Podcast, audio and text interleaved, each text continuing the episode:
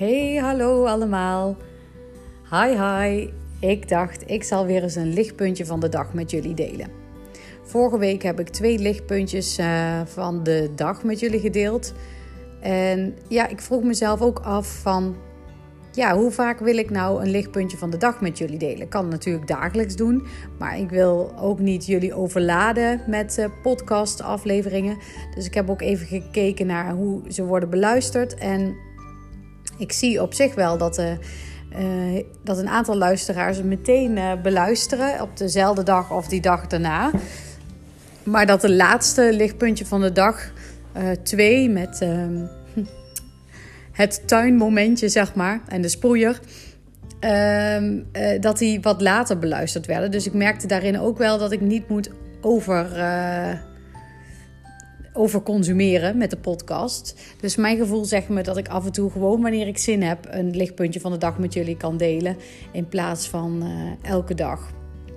Dus, en nu heb ik er zin in om weer een lichtpuntje van de dag met jullie te delen. En ik heb er ook tijd voor.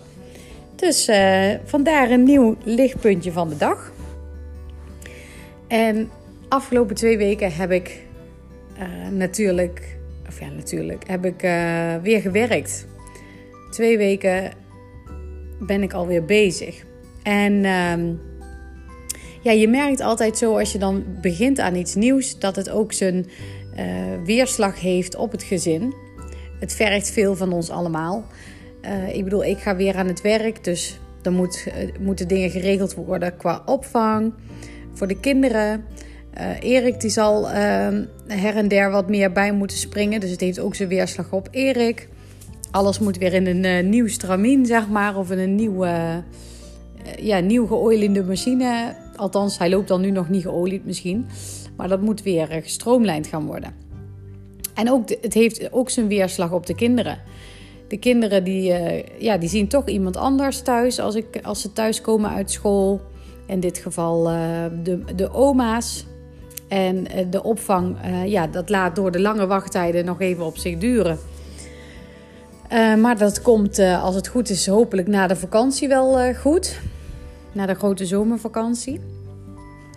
En ja, je merkt ook aan de kinderen dat het gewoon allemaal anders is dan wat ze gewend zijn. Ze zijn heel erg aanhankelijk.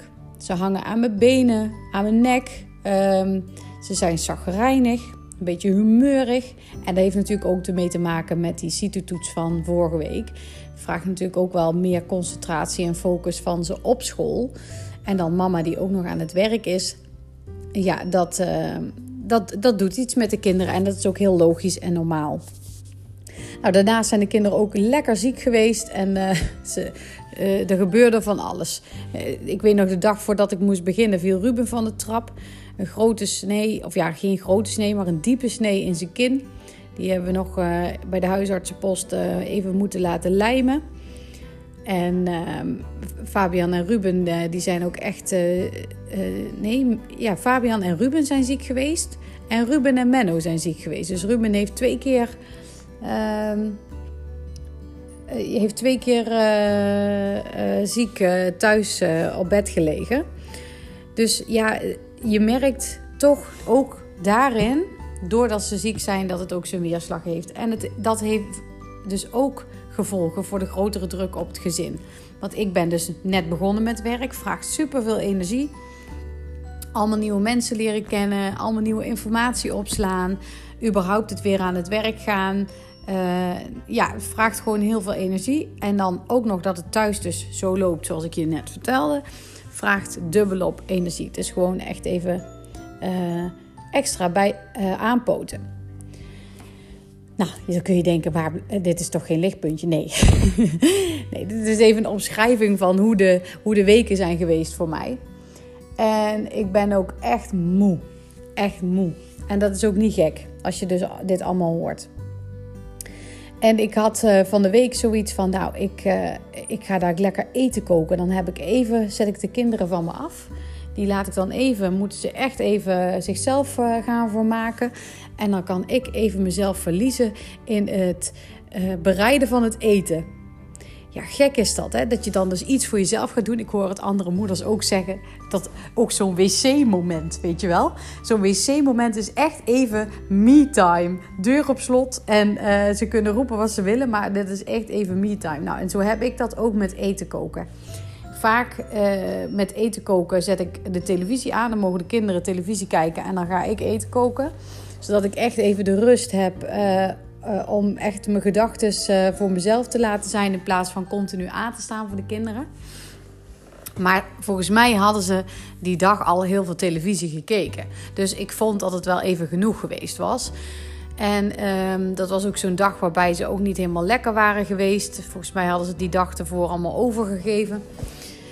Dus uh, ja, dan, zeker als je dan ook ziek bent, dan mogen ze van mij ook vaker of langer televisie kijken. Maar nu had ik zoiets van: jullie gaan maar eens even lekker spelen. Maar de kinderen dachten daar anders over. En uiteindelijk werd dat dus wel een lichtpuntje van de dag. Want wat gebeurde er? Fabian die, uh, die keek me aan met zijn, uh, met zijn puppyogen.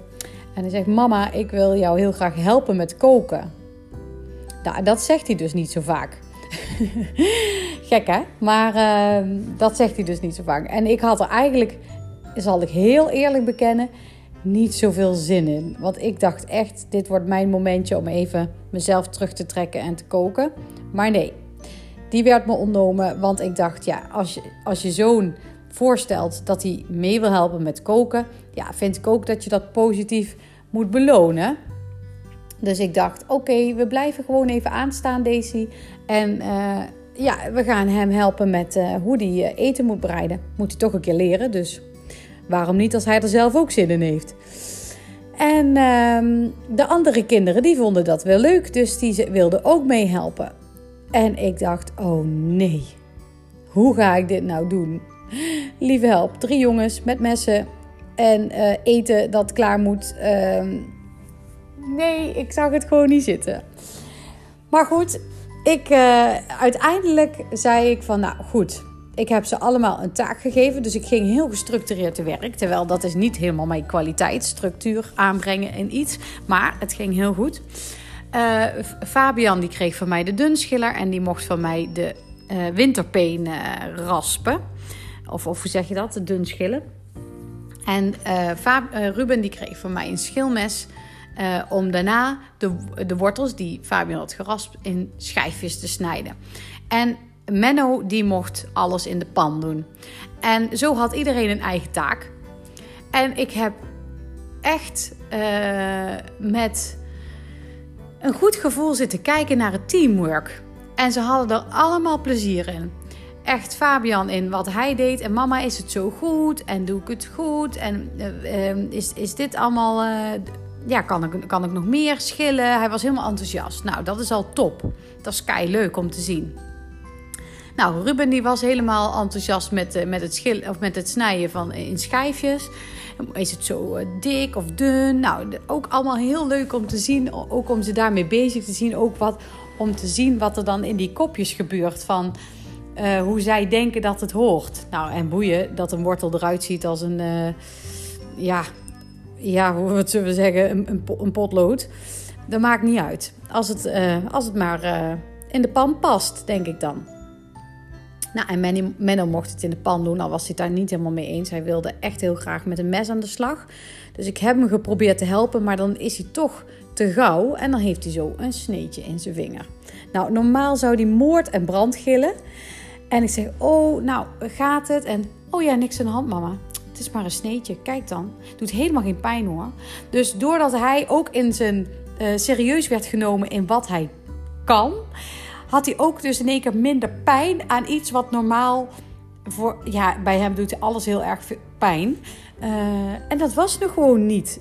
En het was, ging allemaal heel gemoedelijk. Ze beschouwden zichzelf echt als een topteam. En dat spraken ze ook naar elkaar uit. En het ging zo gemoedelijk dat ik, dat ik uiteindelijk dus met Menno op schoot heerlijk heb zitten kijken naar het tafereel aan tafel in de samenwerking.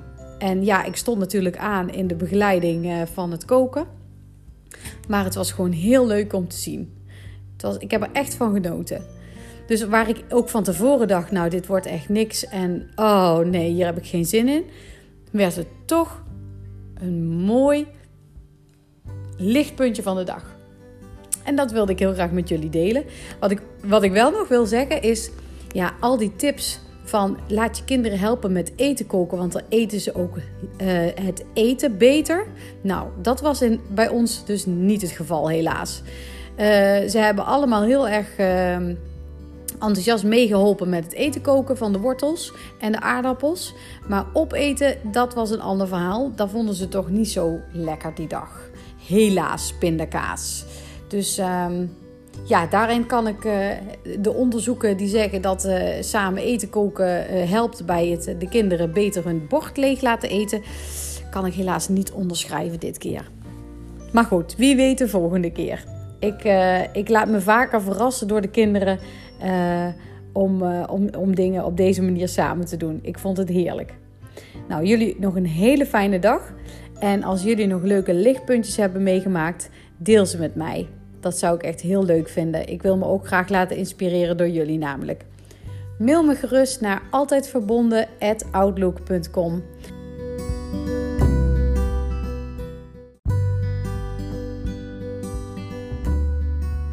En voor nu een hele fijne dag.